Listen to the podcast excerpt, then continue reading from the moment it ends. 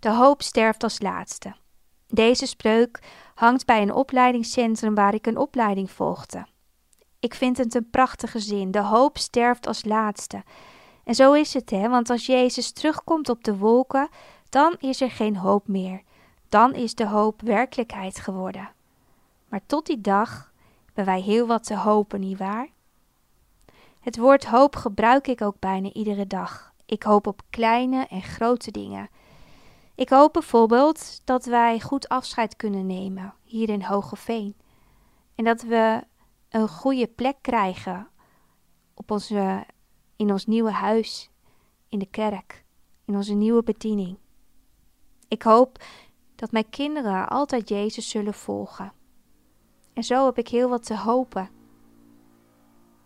En jij? Durf je nog te hopen? En wat is hoop eigenlijk? Hoop heeft te maken met de verlangen dat je graag vervuld ziet worden. Maar broers en zussen, het is goed dat je beseft dat je niet alles in de hand kunt houden. Hopen heeft dus ook te maken met dingen los durven laten, want in hoop zit overgave. Je kunt het niet sturen. In de Bijbel staat in de Romeinenbrief dat men niet spreekt over hopen als men het voorwerp van hoop al ziet. Lees maar eens Romeinen 8, vers 24.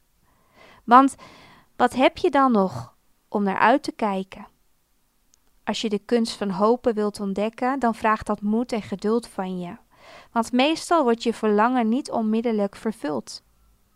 Het is alsof je in een dichte mist loopt. Je ziet niet wat er voor je ligt, maar je weet dat er wel een weg is. En zo is het iedere keer een stapje verder zetten in de mist, zonder te weten wat er daarna komt.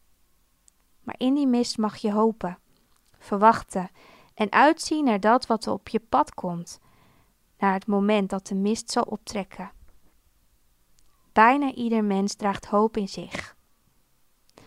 Ik zeg bewust bijna, want ik zie in mijn werk in een psychiatrisch behandelcentrum dat er mensen zijn die niet meer hopen.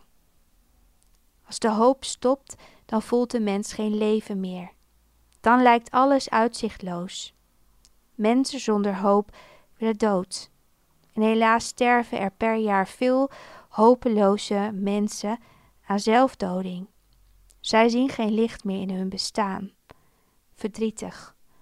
Verdrietig als een mens zo ver moet komen. En daarom, broers en zussen, is het zo nodig dat wij elkaar toespreken, elkaar brengen bij Jezus. Blijven hopen en zeggen: er is hoop.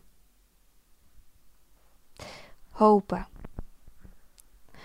Als God je handen vult, als je je hoop uitspreekt naar Hem, dan mag je zekerheid hebben dat het iets zinvols voor jouw leven is. Je mag ontdekken wat je ermee kunt doen. Stap voor stap mag je verder lopen in de mist. Zo zal je leven zich iedere dag een stukje verder ontvouwen. Iedere dag zal je een stapje dichter bij je bestemming brengen. Een stapje dichter bij de dag dat je Jezus zult ontmoeten. Een dag, een stapje verder dat hoop werkelijkheid wordt. In die wetenschap hoef je niet telkens achterom te kijken of bang te zijn voor dat wat je nog te wachten staat. Je mag vooruitblikken en weten dat er een prachtige toekomst op je wacht. En dat is een hoop die werkelijkheid zal worden, want God heeft het beloofd. De kunst van het hopen zit hem in loslaten en je lege handen opheffen naar God. Hij wilt ze vullen en hij weet precies wat goed voor jou is. Durf je daarop te vertrouwen, broer, zus. Houd vol. Heb een hoopvol hart.